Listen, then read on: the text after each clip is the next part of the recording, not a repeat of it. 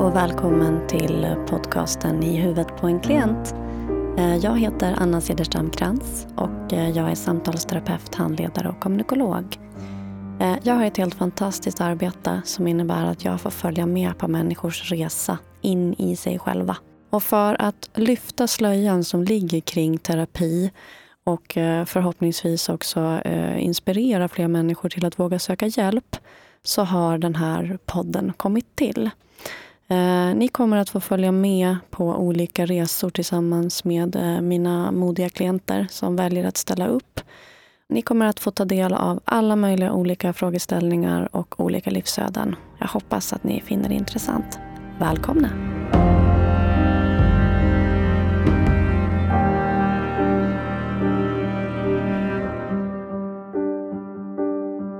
Hej och välkommen till I huvudet på en klient.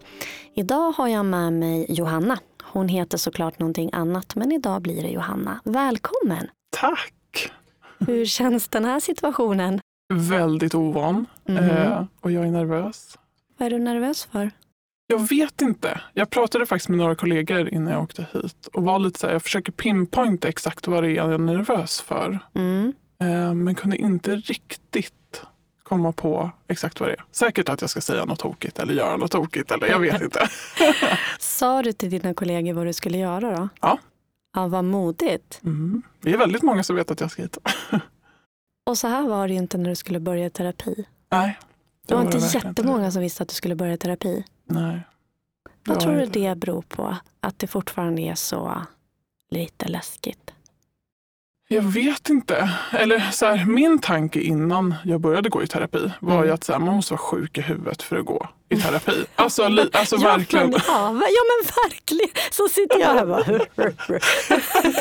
ja, men det, var, det var ju den liksom, bilden jag hade av att så här, man måste typ sitta och vara, alltså, så, ha foten in i döden för att liksom, så här, typ, att man ska ta livet av sig. Liksom, att det var den. Och då kan man gå. Liksom. Så jävla sorgligt. Mm. Nu börjar jag genast att svära. Jag har ju lovat mig själv att inte göra det. Men, men eh, det kommer ju inte gå. Eh, alltså så sorgligt. Mm, alltså jag måste ha foten in i döden. Liksom, etc. Jag måste vara sjuk i huvudet. Mm. Inte undra på att människor inte söker hjälp. Nej. Och du om någon har ju en smärtsam erfarenhet kring hur det blir när man liksom inte söker hjälp. Mm. Eftersom det har påverkat ja, framförallt din familj. Verkligen. Så vi kastar oss väl in helt enkelt mm. då i vad var det du kom med? För du tog ju ändå det här steget trots att man då mer eller mindre ska vara sjuk, skulle vara sjuk i huvudet. Mm. Jag gjorde det, men det, var, det fanns påtryckningar. Från, framförallt från min arbetsgivare faktiskt. Som är anledningen till att jag träffade just dig. Mm. var ju för att jag fick dig rekommenderad till mig. Ja, det var din chef va, som tyckte att liksom, nu är det mm. dags att, att gå. Och det är ju ganska ofta så. Mm. Att, att chefen av någon anledning har en kontakt eller har gått själv eller mm. som gör att man kommer. Verkligen. Och du var ju en ytterst ytterst motvillig klient ute i väntrummet. Det var jag verkligen.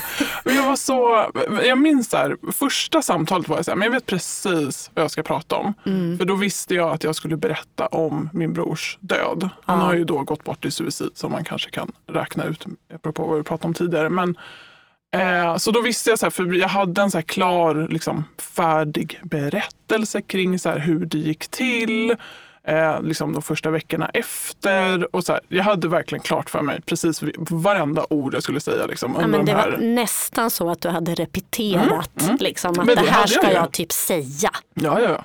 Mm. Och det hade jag ju verkligen gjort för jag hade ju dragit samma historia för alla typ jag kände. Liksom. Mm. Jag hade ju så här, och också visste så här, ja, men det där kanske jag inte behöver berätta. Och det där. Alltså så här, jag hade förfinat historien. Alltså historien ja, låter dessutom, hemskt. Dessutom, mm. plus att så här, men då kommer de säga det här och så kommer de fråga mm. det här och så kommer folk bli så här skräckslagna och typ mm. inte veta vad de ska säga. Mm. Och du hade ju ganska mycket liksom, bestämda uppfattningar om hur det skulle bli och vara. Mm. Blev det så då? Alltså som sagt, första samtalet var ju min inövade historia. Mm. Eh, men sen minns jag att jag visste inte riktigt vad vi skulle prata om de andra gångerna. Nej. Jag var så nervös för att mm. komma. För jag var så här, jag kommer inte kunna leverera någonting. Jag vet inte vad jag ska säga. Jag vet inte vad hon kommer säga för jag vet inte vad vi kommer prata om. Liksom, mm. den grejen typ. Um, uh. Och det var ju just det. Du hade ju en historia. Och som handlade om någon annan. Det handlade ju såklart om dig och din roll också men det handlar ju väldigt mycket om någon annan. Eh, och, och en bror med då väldigt kraftfull psykisk ohälsa som också då på ett mycket smärtsamt sätt väljer att avsluta sitt liv på grund av det. Och hur det då har påverkat dels dig och hela din familj. Dels resan dit och sen resan efter självmordet. Eh, Men det handlade ju så väldigt lite om dig. Kommer du ihåg att jag var på dig om det ganska snabbt? Och det var det som var så jobbigt för mig. För jag ville ju inte prata om mig. Alltså, Nej. för I mitt huvud var ju inte... Jag mådde ju, inte, alltså jag mådde ju dåligt för jag hade den här stora sorgen såklart som tyngde mig. Men det var ju inte... Det var ju yttre påverkningar på mig som gjorde att jag mådde dåligt. Som jag bara, kan vi bara lösa det här yttre? Det fanns ju inget i mig där och då som jag tänkte så här, men det här behöver vi laga i mig. Liksom. Men det är här, inget fel på mig. precis. Typ så. Det var Ja. ju så här, typ fel på min bror men det var ju typ inget fel på mig. Eh, kom vi på att det var något fel på dig då? Ja, men det tog några gånger, ganska många gånger tror jag, innan typ poletten så här, lite för mig trillade ner i att så här, men vänta, jag har ju haft samma liksom, barndom och uppväxt som min bror. Jag har inte valt liksom, samma livsväg som han då, uppenbarligen. Jag sitter ju här idag och mår bra. Liksom. Tack och lov. Tack och lov. Ehm, men det är ju ändå så att så här, vi har ju samma bakgrund. Jag har ju samma sår liksom, från det som han hade. Mm.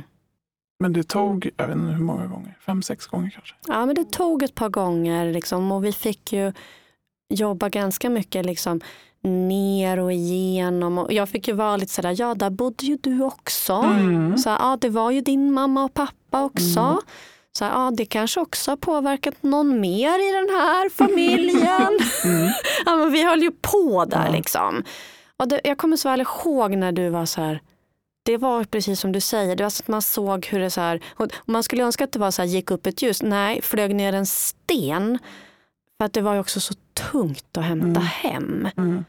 Där du så här, alltså jag kommer ihåg det tillfället än idag, fast det nu är ganska många år sedan.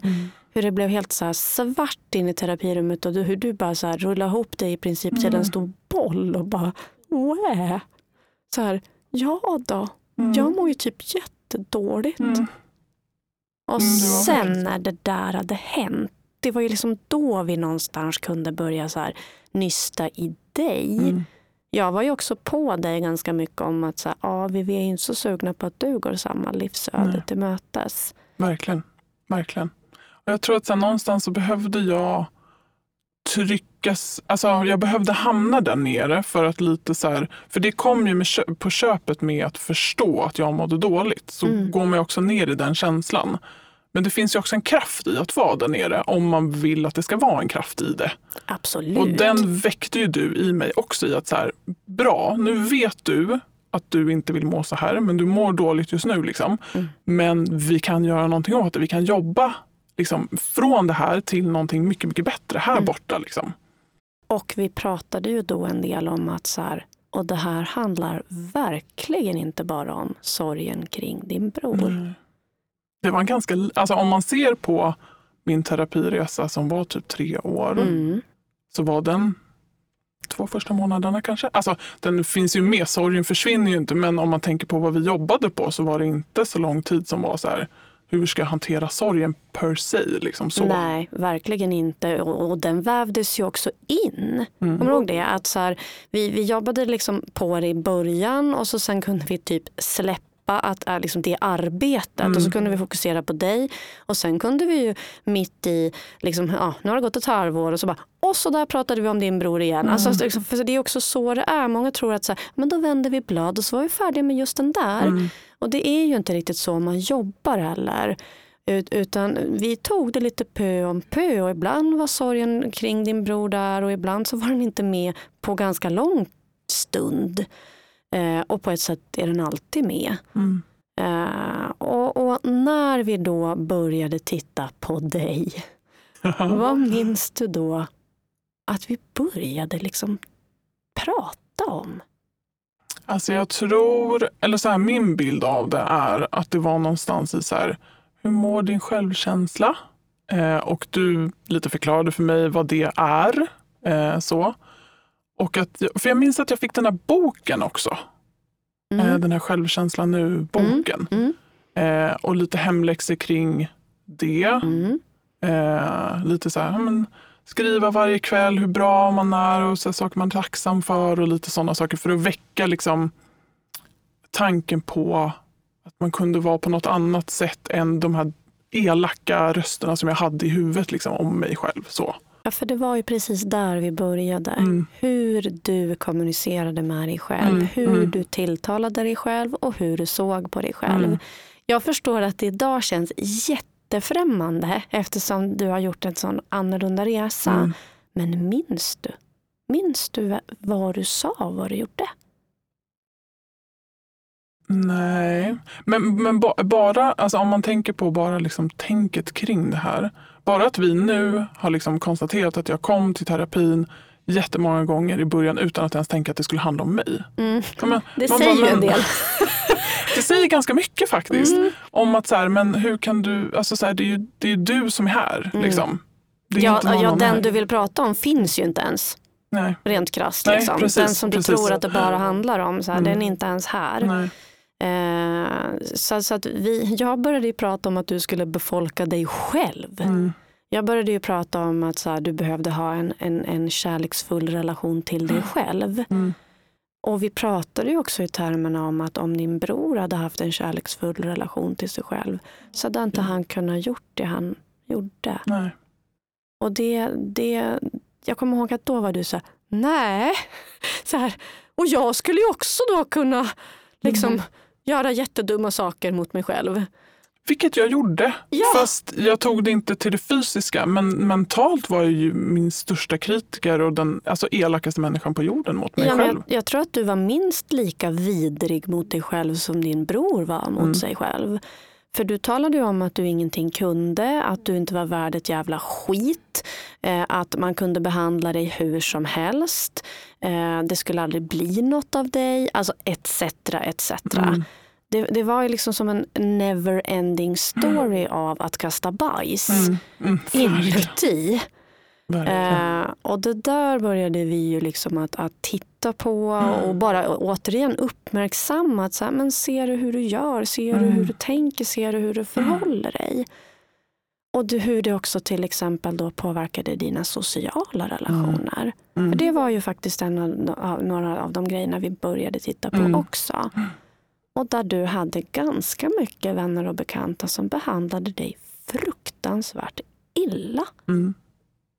Och det var liksom typ okej. Ja, ja, nej, men jag var inte värd någonting bättre. Alltså, det jag hade i mitt liv då var ju så här, ja men det är det här som är. Liksom. Det blir inte bättre eller Mm. Nej. sämre. Det blir ingenting av det. Alltså det bara är så. Mm. Jag trodde nog inte att jag kunde påverka det heller. Alltså i att jag var så här, men jag är ju inte värd mer än så här. Vad ska jag? Det finns ingenting bättre för mig än Nej. det här. Nej, men liksom. det var lite din lott i livet. Ja. Typ så. Mm. Och så började vi också titta på vad det kom ifrån. Mm. Varför tycker man inte att man är värd mer?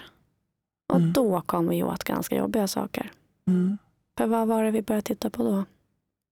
Jag tänker att det var väl då som liksom, barndomen kom in lite. Mm. Att så här, men vad är det du har fått höra? Vad är det du har fått hemifrån som säger att du inte kan eller, eller liksom är kapabel att göra det du behöver göra i ditt liv? Liksom. Mm. Och många av de elaka rösterna jag har i mitt huvud, eller hade, jag har, de finns ju kvar men de är inte lika högljudda. Och du Verkligen vet inte. hur du ska få dem att hålla tyst. Ja, precis så. eh, men det var ju min pappas röst mycket. Eh, så. Och många av de liksom, negativa känslomönstren och eh, sättet som jag har hanterat problem, det var ju min mammas sätt att hantera saker. Mm, så du var ju en copycat på, på flera sätt Mm. i liksom vad du hade liksom växt upp i för Mm. miljö. Mm. Eh, och lite kort, vad är det för föräldrar du faktiskt har haft? Alltså vad, vad är det här för pappa? Vad är det här för mamma? Mm. Det är en bra fråga. Min mamma är ju en person som har en väldigt, väldigt, väldigt tjock offerkofta Mm. på sig. Eh, hon kan inte ta ansvar för någonting som händer i hennes liv. Eh, hon är liksom inte hon äger inte sitt liv utan hon är lite som jag var då. Att så här, saker händer, jag kan inte påverka. Och liksom, Hon är där. drabbad. Hon är drabbad, hon är ja. alltid drabbad. Mm, precis. Till och med din brors självmord var ju liksom nästan lite mot henne. Ja, ja. ja Mm. Gud ja. ja herregud. Eh, hon är också väldigt konflikträdd, Mm. vilket gör att hon kan inte dela med liksom, konflikter i familjen. Och då har vi min pappa då, som kanske är den mest konfliktsökande. Ah. Eller liksom högljudda personen i det att han... Alla hans känslor han har i sig agerar han utåt. Mm. Eh, och han har väldigt nära till aggression och ilska.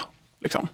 Ja, du har ju varit med om väldigt mycket alltså, verbalt Ja. där man gapar, skriker, hotar, kränker, kritiserar, Mm. domderar, fryser ut. Alltså alla, alla sätt du kan tänka dig på. Men, men han har ju ändå alltså, han har ju verkligen liksom varit på. Mm. En del har ju liksom varit med om silent treatment. Så här, jag vet att något är så fel men jag liksom får ingen info. Du fick alldeles för mycket info. Absolut. Absolut. Eh, och saker du berättade om i terapirummet som du har kallats för och Mm. så har ju varit oerhört, ja det är ju hemskt att höra. Mm. Eh, och det här började ju du reflektera Mm. kring hur det faktiskt kan påverka en person och ett barn. Vad var det du kom fram till? Nej, men jag, jag minns att så här, en polett som trillade ner i terapirummet var att så här, men jag har varit en gummiperson. Alltså jag har ju varit den personen som har tagit så pass mycket ansvar i den här situationen med en pappa som står och skriker, en mamma som kuvar sig. Liksom så.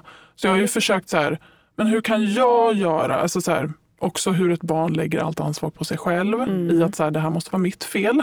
Mm. Vilket är så jättesorgligt att tänka på nu. Jag blir så ledsen när jag tänker på Ja liksom, men du blir ledsen lilla, idag. ja, ja, men jag blir jätteledsen när jag tänker på lilla som satt där och bara Okej, men om jag inte spiller ut den här mjölken då kommer middagen bli jättebra. Och, Oj, nu spillde liksom brorsan ut mjölken. Vad kan jag göra? Men om jag springer dit och hämtar papper så kanske inte pappa börjar skrika och då kanske inte mamma blir... Alltså så här. Det var ju ett, ett hela tiden så här försöka kontrollera pappas humör, vilket var helt omöjligt. Ja, han var ju väldigt labil. Väl, alltså det var på nivån att så här, han kunde komma in genom dörren och skrika på oss. Liksom. Alltså det var så här, vi har inte ens setts idag. Jag, jag kan omöjligt ha gjort någonting för att göra dig arg. Liksom. Nej men du kunde ju starta ett god morgon med att sen få liksom en 20 minuters avhyvling. Mm, verkligen. Eh, och det, det var ju också så att man var rädd för, för våld. Mm. Eh, alltså, Ja, det, det förekom ju liksom ändå hot om fysisk bestraffning. ja, Och delvis också, jag tänkte säga det var ju även Mm. en viss form av fysisk bestraffning. Du, du minns ju sådana tillfällen. ja absolut. Eh, och det här växte ju du och din bror upp i. Mm. Eh, och hur många år skilde mellan dig och din bror? Två. Ja, så ni var ju väldigt nära, eh, både i ålder men framför allt i, ni hade ju bara varandra. Mm. Så ni tog ju hand om varandra Mm. så gott ni kunde. Eh, samtidigt som det var lite sådär halvkonstigt att prata om, minns jag att du sa. Ni satt ju inte Mm. ner gång på gång och bara oj mamma och pappa är så konstiga. Utan man lever ju på något sätt i det här Mm. som någon slags vardag. Nej, men vi pratade alla, jag vet att så här, vi var ju väldigt in tuned med att så här, båda förstod att så här, det här är konstigt beteende och vi kunde Mm. liksom stötta varandra. Det räckte med blickar ibland. Bara, Precis "Åh, så. Nu är han igång. Mm, verkligen. Och, men det var ju aldrig att vi så här, vad är det som händer? Liksom, inte ens, jag menar brorsan gick ju bort när han var 25 så vi var ju ändå gam, alltså, gamla nog, hade flyttat hemifrån och allt det där. Liksom. Mm. Eh, hade skapat oss egna liv på egna håll. Liksom. Mm. Hade kanske haft möjligheten att skapa oss uppfattning om att det där var inte helt hundra. Liksom. Men Eh, det som var så slående var ju att ingen av er hade lyckats bryta er loss ur Sant. mönstren. Sant. Mm. Det var ju någonting som var tydligt. Alltså så här, jag, jag må bo på en annan ort Mm. eller jag må bo liksom i ett annat hus i en Mm. annan konstellation. Men, men jag är på ett sätt fortfarande kvar Mm. där rent mentalt i hur jag förhåller mig och vilka överlevnadsstrategier jag har lagt mig till med och så. Mm.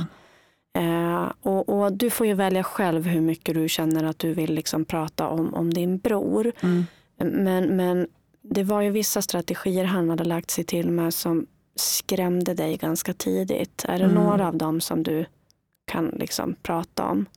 Nej, men han gick ju också in i, eh, liksom, ja, han var ju väldigt våldsam Mm. minns jag. Eh, han gick ju med i såna grupper där man slogs, Mm. vilket är så här, ja, jag blir otroligt ledsen också när jag tänker på det. Eh, Ja, jag minns ju minnen du har berättat för mig när han var med i någon slags fight club. Ja. Liksom.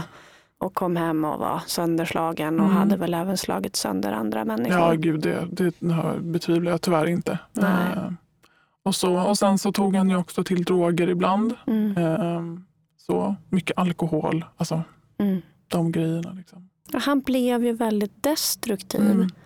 Och mitt i det här så var han ju tydligen världens mest känsliga kille. Ja. Och världens mest gulliga brorsa. Mm. Alltså som brydde sig oerhört mycket om Mm. dig och hur du mådde. Och, Mm. men ändå inte heller riktigt mäktade med att möta det. Alltså det Nej. blev lite dubbelt liksom. Men du kunde ju känna kärlek från honom. Mm. Även när han var som mest trasig liksom i, i sitt agerande. Men han var väl lite kanske som jag var, att han, han sket i sig själv men han tog hand om alla andra. Liksom. Nähä.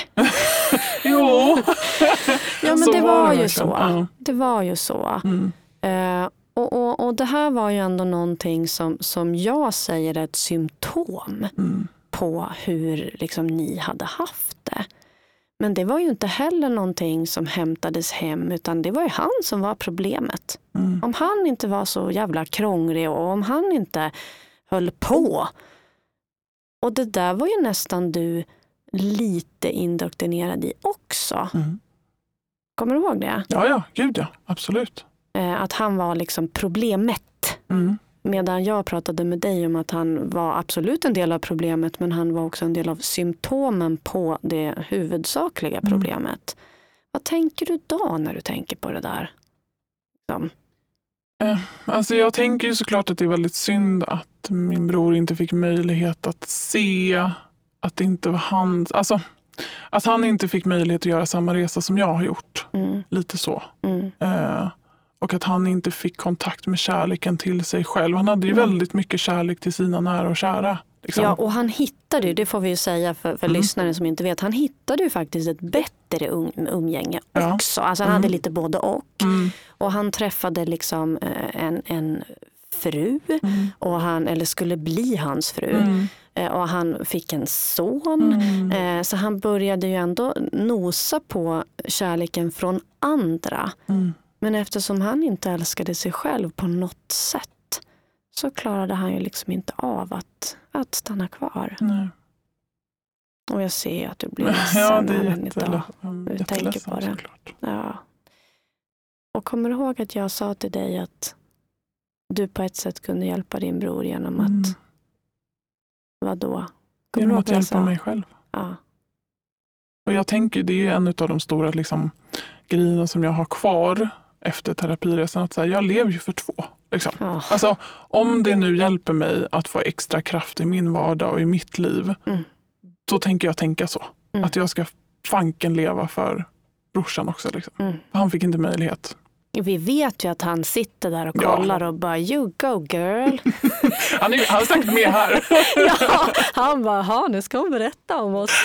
Ja, nej, men alltså, som sagt, ni var ju, ni var ju inte tvillingar men ni, liksom, ni, ni betedde er ibland nästan som tvillingar. Alltså, ni var ju väldigt, väldigt tajta. Mm. Och jag menar under hans brokiga resa, men han gjorde ju tyvärr också ett tidigare försök. Att, att Två ta eller tre till och med. Ja, så, så att Mm. liksom det, han, det låter ju hemskt som man då säger lyckades till sist. Eh, Det är ju så tyvärr. men det är ju så tyvärr. Och de gångerna tidigare, det var ju dig han vände sig till. Mm. mycket. Liksom. Det var ju dig han sökte. Och, Mm. men det blev ju också en oerhörd börda. Mm. Jättetungt och jag hade ju också från min familj också den pressen i att så här, men du är den enda som kan nå fram till Mm. honom. Eh, liksom. Mm, Det här är ditt ansvar nu Mm. faktiskt. Mm. Mm. Och så här, kan inte du prata med honom och det blir bättre om du liksom så här så. Eh, Ja, och jag kommer ihåg att, att du berättade för mig att du var ju ganska ung tonårstjej när du första gången fick på dig det där från din mamma. Att så här, ja, men nu får du ta tag i honom. Mm. Eh, det är du som, liksom, ska vi få ut honom ur det här fight club och allt det här, då är det liksom du som får prata och se till och hej och hå. Alltså, eh, oj. Apropå då att mamma är konflikträdd. Ja, men och vilket ansvar. Mm. Nej, men helt, helt, helt orimligt. Och det kan jag ju ändå lite... Jag vet att det, det väcks någon lite så skuldkänsla kopplat till eh, det som hände då. Eh, när jag tänker på det. Mm. Men det är ganska lätt för mig att bara slå bort det. För det, oj, det är helt orimligt att jag ska ta liksom, det ansvaret. Ja men det är ju helt orimligt. Mm. Eh, som sagt, du var ett barn Ja. när det började läggas på dig sådana här förväntningar. Mm. Och, och din bror han hade ju psykisk ohälsa. Mm. Han behövde ju professionell hjälp.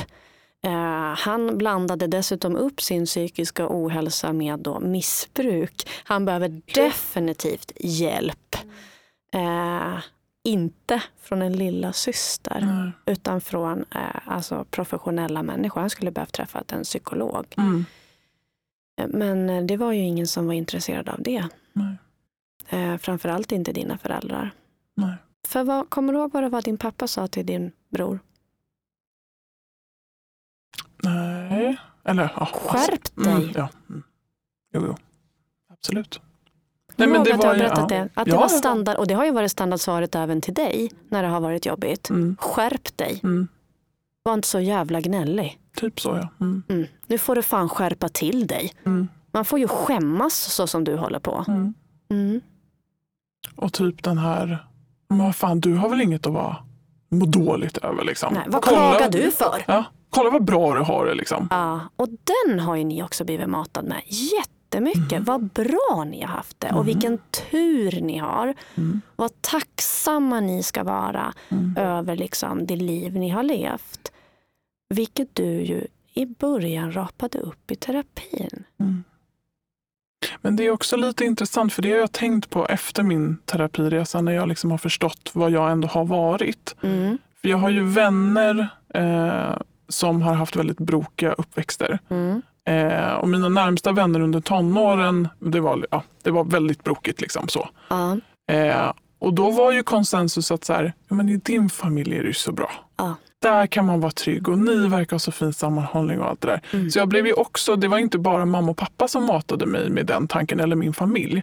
Utan det kom också utifrån och jag bara, ja nej men det är ju bra, ja, vi ses ju varje jul och sådär. Så, "Ja, nej men vi har ju födelsedagar och ja nej men det är väl bra då. då. Och det är det här som är så farligt, Mm. tänker jag. Den här äh, tolkningen som omvärlden gör. Mm. Att för att det på ytan ser snyggt ut Mm.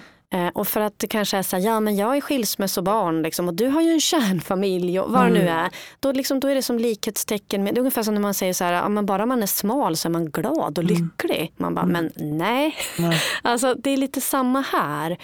Eh, och jag förstår ju att människor kan tro det. Så det är liksom inte att man så här sitter här och anklagar folk. Men jag tror att vi alla gemene man ska vara lite mer försiktiga med att liksom bara ta för givet och tro att den tolkning vi har gjort är lika med sanningen. För då säger man ju sådana där saker. Eh, och så, så kanske det bor någon där och bara, eh, ja, nej, jag har verkligen ingenting att klaga på. Och så finns det faktiskt ganska mycket som inte alls är som det ska. Nej men verkligen. Och- kanske tänka i, i alla situationer att ställa öppna frågor istället för precis som du säger antaganden. Att så här, Mm. ja men du har det ju bra. Mm. Istället för så här, hur har du det? Says who liksom. Ja Ja, men exakt. den är ju så viktig. Hur Mm. har du det? Hur Mm. har du haft det? Mm. Hur är det egentligen? Stämmer det här med vad jag ser, hur du känner? Behöver man inte vara terapeut för att fråga. kan ju vem som helst fråga varandra. Så här växer lilla du upp och här Mm. växer din bror upp. Eh, och så skapar ju ni då era egna liv. Eh, och vi hör ju då att hans liv fortsätter att vara ganska rassligt och trassligt men att även han samlar ihop bitarna lite av sig själv. Mm. Du går ju också in i en relation. Mm. Och den tänker du att det här blir ju bra. Ja, Jaha, där ska jag vara. här ska jag Tydligen. vara. Tydligen. Ja. Och så skrattar vi nu så alla bara, något är fel med den där relationen. Men det är väl kanske en av de första läxorna jag fick av dig, att göra slut på den relationen. Ja, nu får ju jag som terapeut inte bara säga nu går det hem och gör slut. Eh, Även om jag sjukt ofta kan jag säga i mitt terapirum vill säga det. Mm. Eh, Men det är inte upp till mig. Men däremot så kan man ju definitivt vara så här, jaha, eh, vad är det du söker i en relation? Mm. För det var ju så vi la upp det. Mm. Du bara det här, det här, det här, det här. Jag bara, jaha, tycker du att du får något av det? Och du bara, "Uh, Finn, Finn 55 fel. Ja, verkligen. Men det var väl lite mer så här, vill du fortsätta den här relationen? Nej. Vad behöver du då göra? Slut. Mm. Tänker du göra det då? Ja, Ja. typ. Verkligen så här. Ja. Där kan vi prata om ledande frågor. Jo, nej, men ja alltså, men alltså verkligen, jo, men, och, och det är ju så, man handleder ju. Mm. Klienten ska komma på lösningarna själv men ibland är man ju där och puffar. Mm. så är det ju. Och varför skulle den här relationen ta slut? Varför var det så oerhört viktigt? Jag hade ju valt en man som var som min pappa. Ja, Alltså så enkelt är det. Ja. Liksom. Så, här, ja punkt. Nej, men, Behöver inte säga så mer. Nej, för vi har Nej. pratat så mycket om min pappa så att man förstår att det, där ska inte jag vara. Nej, Absolut inte. för du hade ju verkligen valt en kopia av din pappa. Mm. Och sen har ju du, först började du med men hur dum får man vara? Mm. Men eh, när vi pratar lite mer om det, vad har du, varför, varför valde du en sån här man tror du? Eller vet du idag? Nej, men det är ju min första bild av manlig kärlek. Liksom. Mm. Min pappa och min bror är ju de två första som jag har älskat som är män. Och Mm. min mamma är den första som jag älskat som är kvinna. Liksom. Ja. Och de har ju lärt, mamma och pappa har ju lärt mig hur en kärleksrelation ska vara. Mm. Mellan de två har jag ju sett genom hela mitt liv och de gentemot mig. Mm. Och så här, jag bara, okej, det är så här kärlek ska kännas, det är så här det ska vara. Mm. Det är tydligen så här man pratar med, med sin älskade, liksom Mm. mamma och pappa, hur de pratade med varandra. Ja, då är det väl så här det ska vara. Så jag kör en copycat. Ja, men då söker jag Mm. mig såklart till det. Om inte jag får veta någon annanstans ifrån eller kan hitta det inom mig själv att Mm. det här är inte bra. Liksom. Så du var ju såklart då själv i en ganska trasig och destruktiv relation som var allt annat än snäll. Mm. Eh, och det är klart att det fanns stunder som var bra och allt det här. Men det var ju, nej, det var Nej. inte en bra relation. Och så tog det ur. Mm. Och så började vi att möblera om den där manskompassen. Mm. Kommer du ihåg när vi pratade om den där manskompassen? Eh, och så sa vi att nu var det dags för dig att söka någonting annat. Mm. Och du kliade i huvudet och bara I wonder what. Ja, men det är så svårt för det är lätt, jag menar, det är lätt för mig att rabbla upp så här. Jag vill att, att han ska vara bla bla bla. Alltså, liksom, Omtänksam, ja. rar, vad som helst. Liksom. Mm. Mm. Men sen handlar det ju också om att ha en känsla kring det där. Kring det där liksom. En magkänsla i så här, känns det här rätt? Känns det fel? När man sitter där på dejten. Liksom. Ja. För jag kan ju inte sitta och så här, är du generös? Är du snäll? Är du liksom, alltså, det är, klart, vem säger nej på snäll? Alltså, Nej, men precis. det gör man ju sällan. Liksom.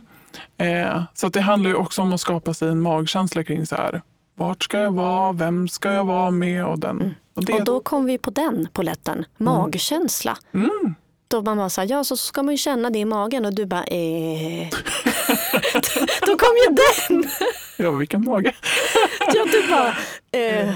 Mm. Men den typ ljuger nästan alltid för mig. Man bara, nej magkänslan ljuger inte. Då har du en falsk magkänsla. Då har du en äkta magkänsla och så har du en falsk magkänsla. Och då bara förvirring. Mm, ja, verkligen. Så jobbade vi rätt hårt med det. Mm. Eh, Men det tänker jag hänger ihop med självkänslan. ja. Att våga lyssna på det som sägs. Alltså man kan säga att det är hjärtat, man kan säga att det är magen, man kan säga ja, att det är man kan fingret. Men, säga vad man vill. ja. men det handlar om att lyssna på sitt innersta väsen i så här, vill jag vara här? Skriker någonting här inne? Nej, Mm. då ska jag inte vara där. Nej, Så våga lyssna på det. ja. Man För- behöver inte ens ifrågasätta det. Man behöver inte hitta på olika meningar, formaliseringar i hjärnan. Liksom. Säger kroppen nej, då är det nej. Mm. Oavsett. Ja, Och det där började du öva på. Och du började öva en del på det både liksom gentemot vänner. För jag menar nu var du singel. Mm. Så att du började ju inte öva på det liksom bara enkom gentemot män. Nej. Utan du började öva på det här gentemot vänner. Mm. Du började öva på det här gentemot eh, arbetsgivare, Mm. kollegor, föräldrar. Liksom på alla möjliga ställen. Mm. Och vad var du upptäckte då? Ehm, ja, men det är lite kul att tänka tillbaka på. För mitt liv är helt annorlunda från när jag började i terapi. Jag vet inte om det är något som är lika typ. Jag har inte samma arbetsplats längre. Nej. Jag har möblerat om ganska kraftigt bland mina vänner. Ja. Eh, jag bor inte ens på samma plats längre. Nej. Eh, alltså inte bara kopplat till då att jag gjorde slut med min relation. Jag var ju sambo då med honom. Utan jag bodde, och sen flyttade jag till en annan lägenhet som inte heller kändes rätt i magen. Nej. Och då flyttade jag därifrån för det kändes inte rätt. Nej, men trots liksom. att folk var så här, men det är en fin lägenhet, ett bra läge. Du Mm. bara, nej men allt är fel. Ja. Alltså, jag ska inte bo här. Nej. Och, och, och eh, det är inte meningen att avbryta dig för att som sagt allt är ju annorlunda i ditt liv. Mm. Och sen finns det ju en jättestor förändring vad det gäller din familj. Ja, verkligen. Och det är ju kanske, jag vet inte om man ska se på terapiresan så är det ju liksom första året möblera om med relationen och jobbet och det. Sen resten två åren är så här, okej vad behöver vi göra med familjen? Typ så ja, ser jag det vänner och familj liksom. Mm, ja, precis. absolut. Och vad har hänt där? Jag har ingen kontakt med min mamma och pappa längre. Eh, så, bara. Ja. Mm. Så, bara Nej, lite sådär enkelt. Eh, och om vi då backar bandet. Mm. Jag blir i och för sig väldigt glad och det låter ju hemskt när jag säger glad så i en sån situation men att det är så idag att det är så här, så Mm. att det liksom är så, nu var du liksom, det är ingen big deal för dig längre idag. Eh, men vilket arbete. Ja. Det är ju inte jätte, jätte, jättelätt att göra slut med sina föräldrar.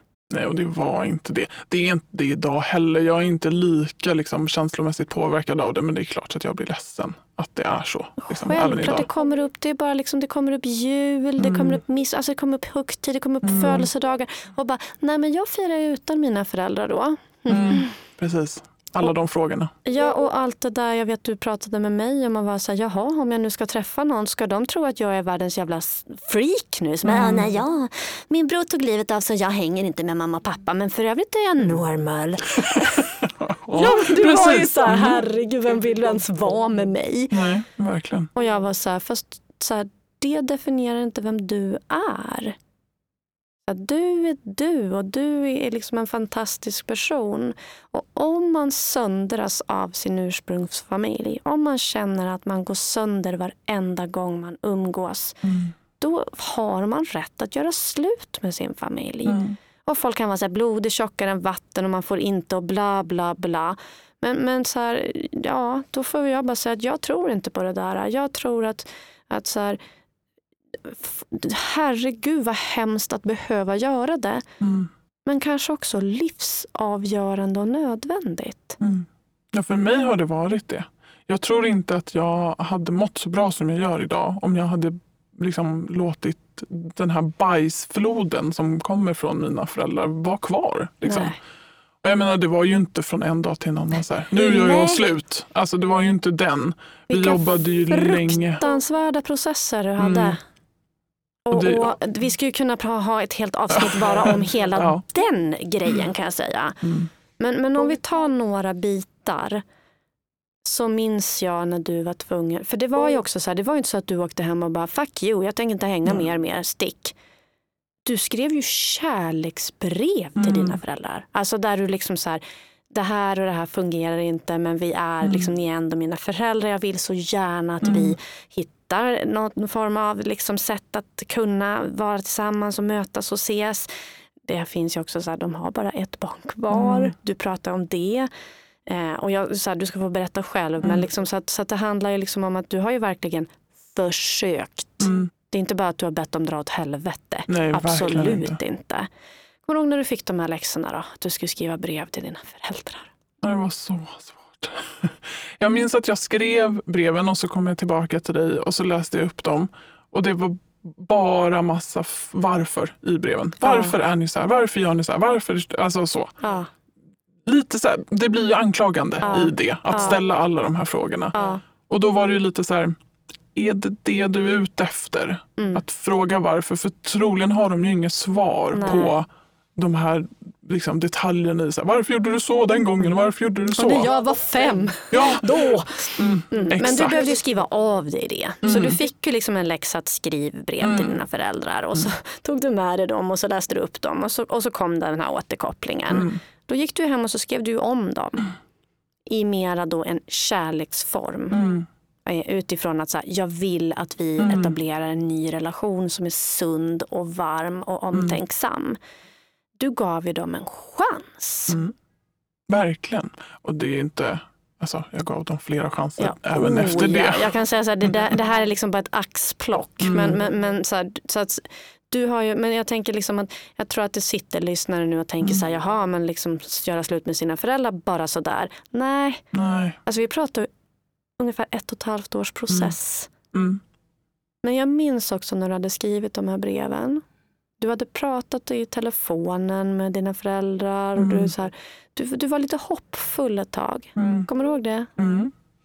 Jag vet och jag, jag minns att vi gjorde som någon matris i Mm. så här, vad finns det för möjliga utfall här nu Ja. när, vi, när du gör det här. Liksom. Eh, och jag tror att du fick lite så här, du vet att det finns möjligheten att ni inte har kontakt längre. Ja. Liksom. Och jag var så här, ja ja, det kommer inte hända. Alltså så. Jag är deras enda barn, de har ju bara mig kvar. Liksom, det är väl Ja. klart att de vill kämpa för, för mig, för Mm. oss, för vår relation. That ain't gonna happen. Nej. Och jag var så här, mm, det kan hända. Mm. Och så var det ju så här, hur känner du inför det? Mm. Är, Är du du beredd, beredd?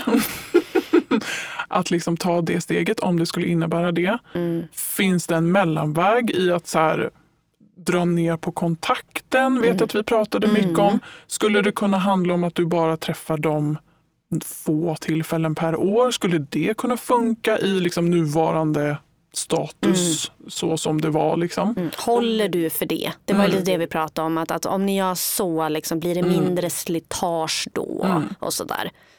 Och mitt svar på det var ju nej, det kommer inte gå. Det, det måste ske en förändring. Mm. För jag klarar inte ens ett till tillfälle kände jag lite Nej. där när vi liksom hade bollat det i tio terapitimmar eller något.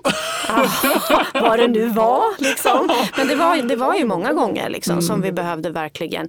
Också för att det är ett sånt otroligt stort steg. Mm. Så jag vill ju verkligen förbereda dig på livet. Alltså att så här, det kan bli så här, det kan bli så här, det kan bli så här, det kan bli så här. Mm. Är du beredd på alla dem och vill du fortfarande göra det här? Mm. Men du, här var det liksom du som blev så oerhört bestämd i att så här, jag tänker löpa linan ut, jag ska, liksom, jag ska göra det här. Ja, men någonstans hade ju mitt så här jävlar anamma vaknat och bara nej, har jag gått hela den här terapiresan och jag har gjort alla de här förändringarna, liksom, slut med killen, bytt arbetsplats, flyttat, a- a- allt det där. Jag kan inte Bytt ut mina av. vänner.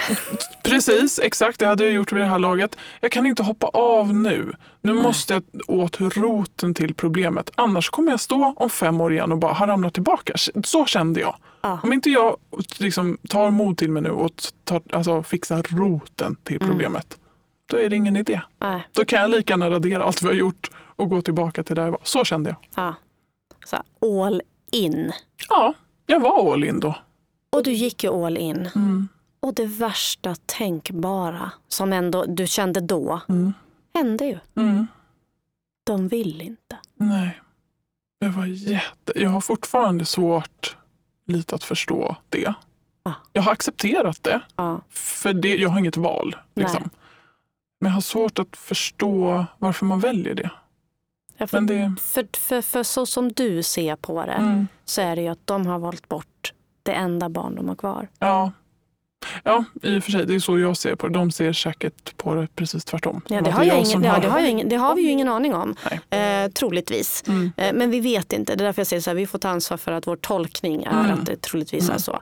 Men, men, men för dig är det ju, din sanning Mm. är ju att de fick chansen Mm. och de tog den inte. Nej. Och du som hela din terapiresa har brottats med att du har känt dig så förbannat övergiven. Mm. Nu blev du det Mm. på riktigt. Men på något sätt så var det så galet att se att du bara, ja, det här har jag vetat hela tiden egentligen. Ja, men alltså, för det jag kunde luta mig tillbaka på då var ju att vi hade jobbat med den här känslan. Mm. Och jag har ju haft jättestort problem med att känna mig ensam. Mm. Liksom. Men det hade vi också jobbat jättemycket på. Så jag, kunde ju, jag kände ju så här, men jag har ju något att luta mig mot här nu. Mm. Jag kan luta mig på själv. Jag är inte själv, jag har mig. Exakt! Nej, men, och det var ju verkligen så. Sen är det så här, det var jättemycket sorg kopplat till vad mina föräldrar valde att göra. Ja, det, var ju, också- det var ju ganska tjaskigt och nu menar jag Mm. alltså smutsigt och skitigt. De var ju också, fortsatte ju att vara, alltså in i det sista så var de ju väldigt, väldigt elaka mot Mm. dig i själva uppbrottet också. Mm. De hämtade ju inte hem någonting som kanske eventuellt skulle kunna tillhöra dem. Nej. Utan det var ju du som var en allmän apa. Ja. Mm. Mm, tyvärr. Ja, var det så. Men det skiter du i idag va?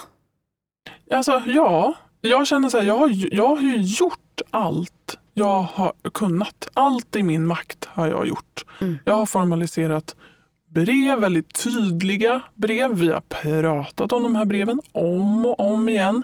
Jag har tydligt sagt vad effekten skulle bli av att man inte väljer att möta mig i det. Mm. Och så gör de inte det och jag kan, jag kan, jag kan inte göra mer. Det Nej. går inte. Och då, det enda som finns kvar då är att fortsätta älska mig för att jag har gjort de valen som är bäst för mig Mm. och acceptera att alla inte kommer vara på det tåget. Nej. Alla kommer inte vilja då uppenbarligen att jag ska må bra och att vi ska ha det bra tillsammans. Liksom. Nej. Tyvärr är det så. Och, och för det är också det som är så, så intressant att se idag. Hur bra du faktiskt mår. Mm. Alltså det är som, så här, jag låter som en trasig skiva här men det är ju många gånger när jag får träffa mina klienter nu så här, liksom, i efterhand.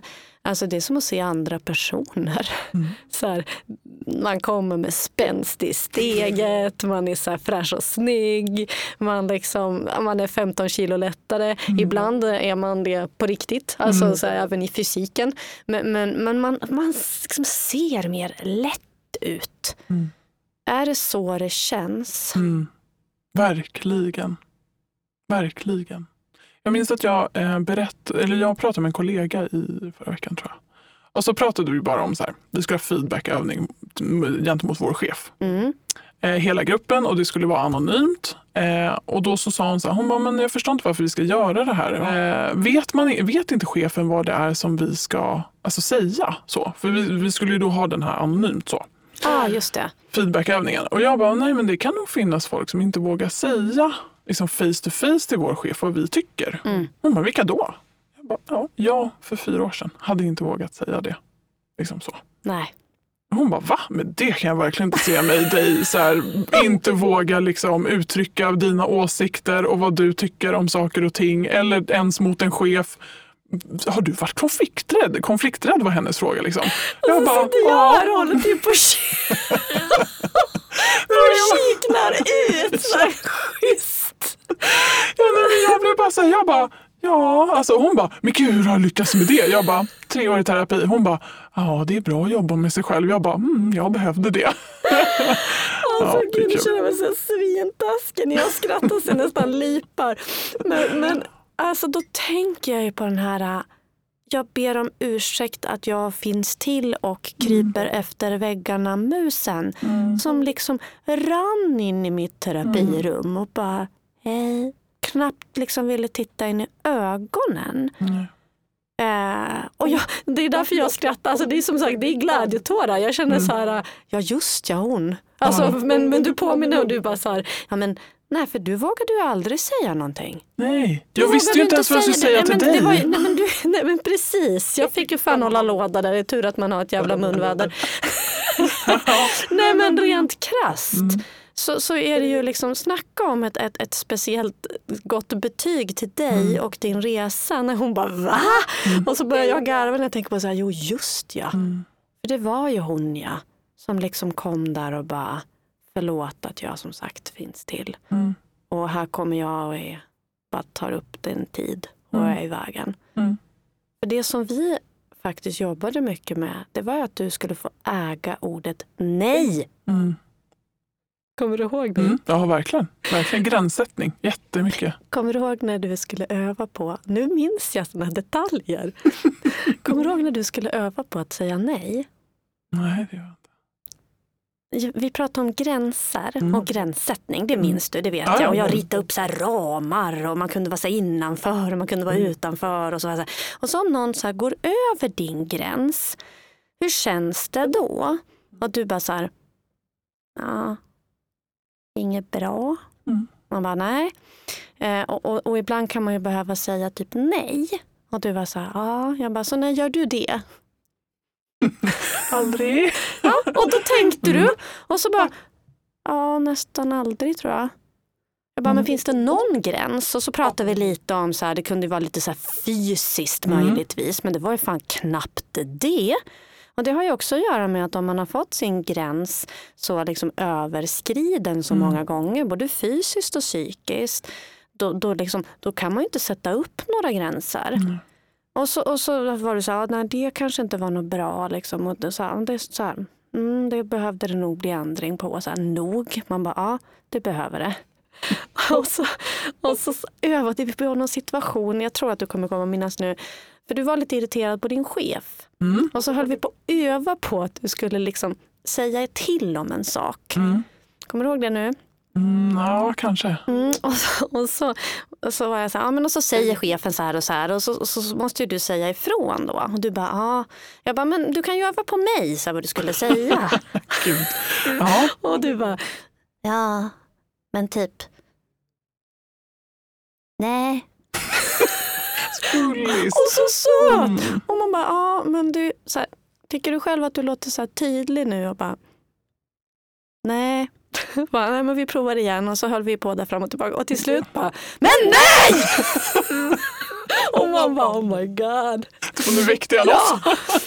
Och det var så skönt att se.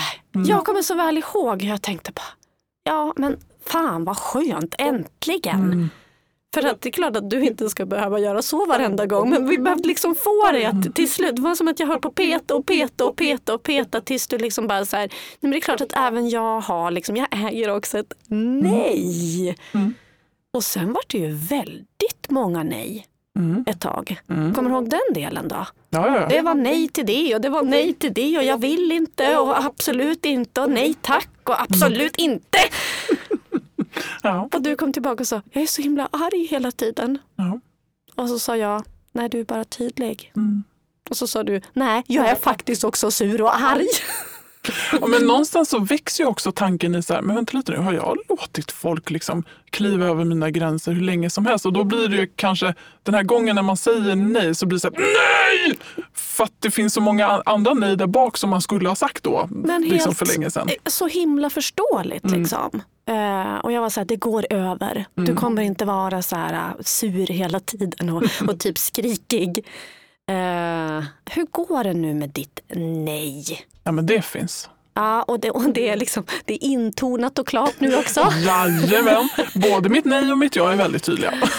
Ja, för där säger du ju också någonting så klokt. Mm. För varför ska man lära sig att säga nej? För att magen säger det. Ja, För att jag, min, min, jag vill inte.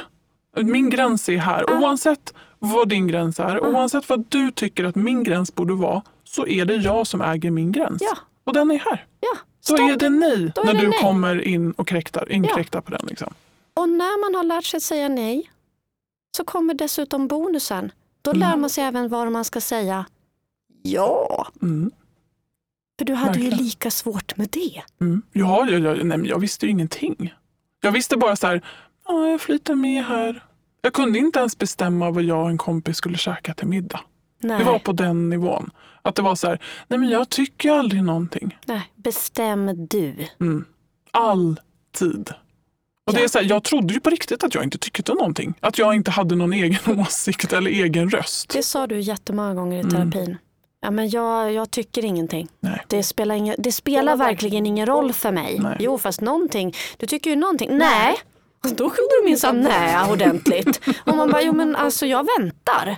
Mm. Och du kunde bli så provocerad. Ja, men jag, jag, kan- jag har liksom ingen åsikt, jag tycker ingenting. Tycker du ingenting om det här, det handlar ju om ditt liv. Och du bara, hon är så jävla jobbig. Mm. Bara, ja, kanske, jag, kanske, jag kanske tycker det här då. Ja, typ. Och så bara, mm, är du säker? Nej. Vad Nej, tycker du? Vad tycker du? Kan man tycka så? Mm. Och förstår du idag varför det här var så fruktansvärt komplicerat för dig? Ja, alltså jag hade ju ingen känsla för vad min, alltså vem jag var, var min gräns gick. För att jag hade ju varit den här gummipersonen som hade anpassat mig efter min far och min mor och min bror, hur han mådde och den mådde och den mådde. Jag hade ju ingen så här, vart är jag i det här? Mm. Vem är jag? Hur mår jag? Vad behöver jag? Vad finns mina behov? Och det var ju inte heller någon i den här konstellationen som frågade vad jag hade för behov, utan det var ju väldigt praktiskt för alla inblandade att det fanns någon gummiperson som tog emot alla liksom, och försökte medla Mm. väldigt mycket. Och den här gummipersonen Mm. eh, som, som, som, som har varit en del av dig och som säkert också finns än idag. Eh, har du liksom fått bukt med den? Känner du att liksom, jo, nu kan jag plocka fram den när den behövs men liksom den är inte påkopplad hela tiden? Eller hur förhåller du till den där liksom, delen nu? Alltså så här, den personen är ju en superkraft i det att man kan verkligen använda den i situationer där det är så här, nu känns det, för jag har ju också, det ska jag säga också, jag har en förmåga att känna in när det är dålig stämning. Nej. Ja, i och med att jag har fått öva så otroligt mycket på att känna av alla och så här, åh nu verkar det som att det börjar bli dåligt här. Liksom. Mm. Eh, och jag har möjlighet nu att använda den kunskapen liksom, på ett bra sätt. Mm. Och också känna in så här, vad är jag i det här? Nej, men jag behöver inte gå in i det. Jag kan stå utanför, men jag kan hjälpa till andra personer i den här konstellationen att förstå vad de behöver. Liksom. Det Ja, är lite av en superkraft. Och då är det ju som du säger en superkraft. Mm. Tidigare var det ju en förbannelse. Ja, verkligen. verkligen. För var du än var så blev det liksom din uppgift Mm. att fixa, lösa, trixa. Och vi pratade ju ganska mycket om det här ordet självutplånande. Mm. Minns du det? Mm. Vad tänker du om det idag? Det, det finns inte kvar. Gud Det är så bara- skönt! Det är bara det jag tänker. Idag gör jag saker som bygger mig. Mm. Jag gör inte längre saker som förgör mig. Liksom. Jag gör val utifrån vad jag vill, vad jag känner för, vem jag är för mig. Mm. Och då blir det också, det är det som är så intressant. För börjar man göra saker utifrån en känsla av kärlek och fin, liksom, man vill vara snäll mot sig själv, Mm. då blir man snäll mot andra per automatik. Ja men verkligen, för det var ju också någonting som du så klokt konstaterade. Mm. Att trots att du körde den ut, självutplånande stilen, Mm. gummipersonen, jag, jag servar och levererar och tar hand om alla andra, så var du ju faktiskt ibland en väldigt oskön person. Mm. Verkligen. Nej, men bara en sån här grej att man aldrig får svar. Liksom. Vill du eller vill du inte ses? Mm, typ den. Och sen så bara, jo men det är klart jag vill ses för du vill ju ses. Och så kommer man dit och är jättetrött och världens tråkigaste kompis för att så här, man orkar ju inte. Liksom. nej. Istället för bara, jag pallar inte, jag är alldeles för trött, gärna nästa vecka. Mm. Och så bara, jag kommer vara världens bästa kompis då. För jag kommer ha all energi, Mm. jag kommer kunna fokusera på dig. Idag behöver jag någonting annat. Liksom. Mm. Man, det, det är ju så när man inte har känslan för vad man själv behöver. Då kan man inte vara bra för någon annan heller. Nej, Så. Så är det ju. Och då kommer ju den här klyschan, om du inte älskar dig själv så kan du inte älska någon annan. Men det är ju lite så, Mm. att kan jag liksom inte förmå mig att ta hand om mig själv, älska mig själv, vara en god pe- person inåt, Mm. så blir jag ju inte det till 100% utåt heller. Och vad, vad tänker du idag när vi nu tittar tillbaka Mm. lite och samtalar lite runt liksom det som har varit? För jag menar det här är så otroligt få axplock. Jag menar du gick Mm. tre år väldigt regelbundet. Vad är det du lägger märke till när vi liksom gör en sån här liten tillbakablick? Men för, först så känner jag mig så otroligt stolt över mig själv. Alltså jag blir så glad och det är så häftigt Att bara så höra dina ord om den här lilla rädda, liksom, trasiga lilla personen som var som en liten näsduk som bara, "Hehe, här är lilla jag. Liksom. lilla snutt liksom. Ja. Och så till att jag tre år senare, nu är det ju fyra år senare i och för sig, men kunde bara så här, ja, blomma ut och bara här är ju jag. Jag vet vem jag är idag. Jag vet vad jag vill. Liksom. Jag har en väldigt tydlig så här, ja, nej. Liksom så här, det vill jag, det vill jag inte. Här är jag, liksom, nu kör vi. alltså så, det är så häftigt. Liksom. Ja, men det är ju oerhört coolt. Mm. Och, och det glädjer mig över att du också liksom vågar känna den här stoltheten. Eh, för det är så här, vågar känna. Mm. Eh, Det låter så dumt att jag använder de orden, men för, för dig som inte vågade känna på någonting eh, eller, eller drunknade i känslor, för det var ju antingen eller, Mm. eh, så är det ganska coolt att bara säga, ja, och jag vågar känna mig stolt och sträcka på mig. Men du har ju också som sagt sår och minnen och saker som du också dagligen måste ta hantera mitt i det här nya härliga. Mm. Och då tänker jag ju förstås på saknaden och sorgen efter din bror. Hur förhåller du dig till den biten idag? Jag fick ju en jättefin... När vi bearbetade sorgen eh, i terapirummet så vet jag att du sa så här, men för varje liksom, halvtimme du lägger på att vara ledsen eller känna liksom, negativa känslor kopplat till sorgen. Eh, försök lägga på 30 minuter med fina minnen, eh, bara härliga känslor. Bara känn, vem var din bror? Finns han här? Alltså, bara den grejen att lägga till 30 minuter av positivitet också. Mm. Och det försöker jag fortfarande göra så. Liksom. vad härligt Ja. att höra. Och så, och man, och så här, jag säger ofta när jag spelar in den här podden, nu skulle man ha en tv. Men du lyser ju verkligen upp hela du eh, och blir liksom som en liten minisol. När du får tänka på, för det fanns ju också så himla mycket fint mellan er, det är det jag vet. Eh, du har väl aldrig känt dig så betydelsefull och älskad av någon som av honom. Eh, och vice versa. Mm. Eh, och det är väl som sagt då jättefint att få, få bada runt i den kärleken. Verkligen. Eh, istället för att bara fastna i sorgen. Och, och sen misstänker jag att det finns ju kvar en liten del av honom Ja, ja, ja. ja. eh, i form av en son. Ja, Eh, har ni fortfarande lika bra kontakt? Bättre skulle jag säga. Ja, vad härligt att höra. Och jag och eh, hans mamma då blir det ju. Mm. Min brors blivande fru skulle det ha varit då. då. Mm. Eller var det. Men eh, har också jättefin kontakt idag. Mycket, mycket starkare. Liksom. Så det är Kontakt. faktiskt där som du skaffade dig din familj. Mm. Hon skulle ju gifta in sig i din familj. Mm. Och just då var ju inte ni heller så här superståta vänner. Nej. Men hon hann aldrig gifta in sig i din Nej. familj. Men nu är hon ju din Mm. familj. Hon har gift in sig i mitt hjärta. Ja, Hon har gift in sig, vad fint! Och även hennes sambo. va? Nuvarande ja. Mm. Ja, så, så, så att på något sätt så är det ju så här att, att det är du som har hans plats i familjen. Mm. Alltså brorsans, förstår mig rätt. Mm. Eh, och, och hans eh, lilla son, hur gammal är han nu? Han är fem Ah, och har fått en lilla syster. Åh, vad härligt. så, så, så där är liksom, där kan Mm. du fortsätta att, att bevara minnet och Mm. kärleken och, och bara låta saker och ting växa. Mm. Gör det också att saknaden av din ursprungsfamilj blir mindre när du har adopterat en ny familj själv? Ja, men det är klart, det tror jag. Eh, för någonstans är det ju så att det uppstår ju ett tomrum. Mm. Eh. Klart det gör. Ja. Eh, och då har ju då ja, men min eh, vad blir det?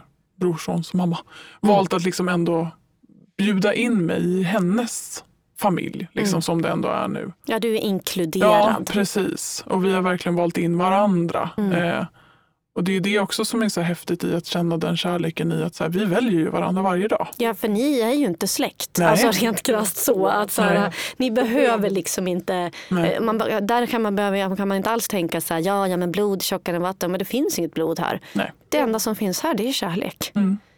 Eh, Och det är ju rätt häftigt då att den är så stark Mm. så att ni liksom har blivit en familj. Mm. Är det där du till och från firar högtider och liksom befinner dig. Ja, absolut. Ja, alltså jag är i alla fall absolut välkommen dit. Mm. Sen har jag valt att fira typ jul på lite andra sätt. Ja, ja. Så. Alltså det är valfritt liksom. Mm. Men, men du känner att det Mm. finns en, en naturlig plats för dig där. Mm. Verkligen, och det är jättehäftigt. Alltså, jag, det, jag, slå, jag slås fortfarande av det jätteofta. Att så här, Gud vad fint att vi väljer det här. Mm. Och att hennes då, då var, nuvarande kille också känner så här, ja, men det är helt naturligt att är med. Liksom. Mm. Och det är ju så häftigt. Ja, verkligen.